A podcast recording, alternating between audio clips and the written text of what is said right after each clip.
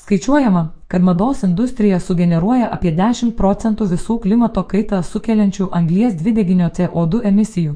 Tai daugiau nei tartautiniai skrydžiai ir laivyba kartu sudėjus. Tvarūs drabužių įsigijimo ir dėvėjimo įpročiai gali ne tik padėti tausoti gamtą bei taupyti pinigus, bet ir daryti įtaką gamintojams, kokie jie.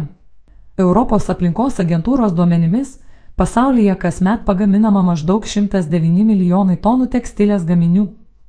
Tuo metu pasaulinės tekstilės atliekos per metus sudaro daugiau nei 90 milijonų tonų. Taip drabužių pramonė ir mūsų vartojimas kasmet sukuria milžiniškus kiekius aplinką teršiančių tekstilės bei mikroplastiko atliekų. Negana to, skaičiuojama, kad žmonės įprastai dėvi vidutiniškai 20 procentų visų savo turimų drabužių. Taigi, tai reiškia ir bereikalingas mūsų išlaidas, sako Justina Bagdanavičiūtė, Svetbank finansų instituto ekspertė. Savo ruoštų tvarios mados dizainerė Oleselės pažymi, kad dalis drabužių pramonės prekės ženklų tvarumo tematikos populiarumą išnaudoja ne savo poveikio aplinkai mažinimui, o pardavimų didinimui. Be jokios abejonės yra prekės ženklų, kurie nuoširdžiai stengiasi būti atsakingi, spręsti aplinkosaugos problemas, keisti savo darbo pobūdį siekiant varesnių sprendimų. Visgi didžioji dauguma mados pramonės dalyvių išlieka ištikima principui gaminti daug ir prastai skatinti pirkti gaminti vėl, tad tvarumas jų kontekste belieka manipulacijų įrankiu.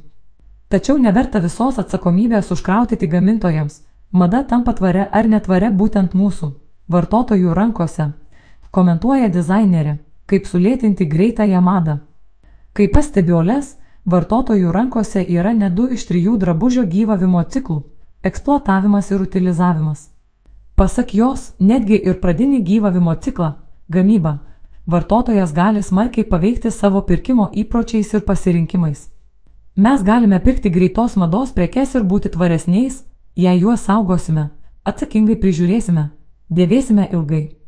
Ir atvirkščiai, galime būti visiškai toli nuo tvarumo, net jei pirksime ekologiškus ar dėvėtus drabužius, bet darysime tai besaiko, vienam kartui, impulsyviai ir neapgalvotai, kalba Oles.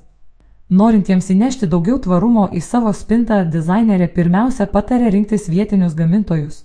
Tai ne tik sumažins prekės transportavimo išlaidas ir CO2 emisijas, bet ir užtikrins, kad gaminys pagamintas laikantis visų darbo įstatymų. Taip pat verta rinktis natūralių pluoštų drabužius. Nors juos gali būti kiek sunkiau prižiūrėti nei sintetinius, kūnas už tai atsidėkos, nes jausis komfortiškai, o ir užbaigęs savo dėvėjimo ciklą toks drabužis gamtoje suirs.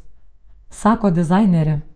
Finansinė tvaresnė spintos pusė, kaip rodo paskutiniai Eurostat duomenys, lietuviai drabužiams ir avaliniai išleidžia vidutiniškai 4 procentai savo pajamų. Skaičiuojant nuo vidutinio atlyginimo šalyje, tai apie 60 eurų per mėnesį arba apie 720 eurų per metus. Pasak Jo Bagdanavičiūtės, Jei skaičiuotume, kad visai arba beveik nedėvime 80 procentų įsigijamų drabužių, tai reikštų, kad samoningai apsipirkdami per metus galėtume sutaupyti netgi iki 576 eurų.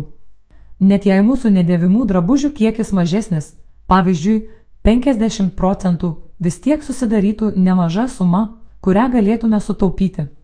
Siekiant tai padaryti, būtina prisiminti kertinę finansų valdymo tiesą planavimą.